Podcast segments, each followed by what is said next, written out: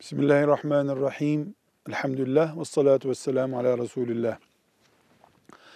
Zalim bedduası tutar mı? Veya zalim baba beddua ederse tutar mı? Zalim kimdir? Bunu ayrıntıya dökmemiz gerekiyor. Biz genelde zulüm, işte birisi başka birisini dövdüğünde, hırpaladığında, malına el koyduğunda, bu işleme sahip insana zalim diyoruz. Esasen zalim üzerindeki görevleri yapmayan veya başkasının haklarına tecavüz eden insandır.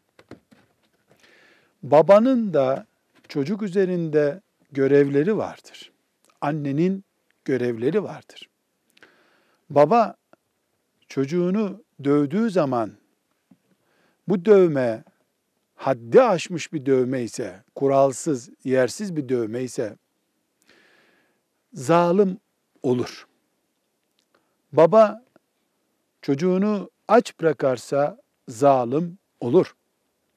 Çocuğunu din açısından, sosyallik açısından eğitimsiz bırakarsa zalim olur. Bunların hepsinde bir görevi ihmal etmek vardır. Baba hem zalim hem de Allah'ın ona verdiği babalık hakkını kullanıp çocuğuna beddua ediyor.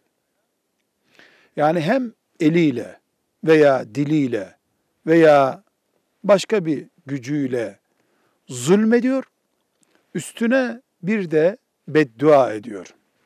Evlat böyle bir bedduadan korkmalı mıdır?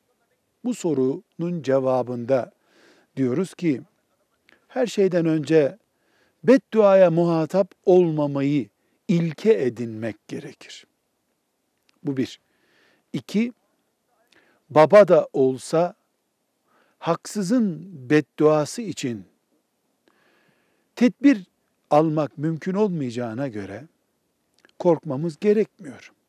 Biz Rabbimizin huzurunda haklı olacağımıza inanıyorsak, yani hatalı değilsek, bir suç işlemiş değilsek, kendimizi rahat hissediyorsak bir sıkıntı yok. Beddua eden baba da olsa, anne de olsa biz rahatız. Çünkü bedduayı Allah'a salarak güç kullanma görüyoruz biz. Yani anne veya baba beddua ederken Allah şöyle yapsın diyordur. Çünkü beddua ben yapamıyorum Allah yapsın. Şöyle ceza versin deme anlamına geliyor. Allah'a salınmış bir iş haksız ise, yersiz ise Allah kuluna zulmetmez. Haksız bir beddua yerini bulmaz. Ama bizdeki başka bir hata ile Allah onun hatasını denkleştirebilir. Biz onun bedduası tuttu zannederiz. Halbuki filan senedeki hatamızın karşılığı olarak Allah dünyada bizi o beddua zannettiğimiz ceza ile cezalandırıp İnşallah günahlarımızı, o günahımızı bu dünyada temizlemeyi dilemiş olabilir Allah.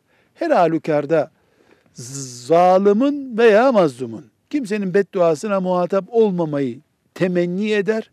Bunun için gayret ederiz. Ama bir zalimin bedduasından da Allah'a sığınmak hakkımızdır. Nasıl olsa o Allah'a havale ediyor. Allah'a giden her şey adaletle geri gelir diye umut ederiz. Velhamdülillahi Rabbil Alemin.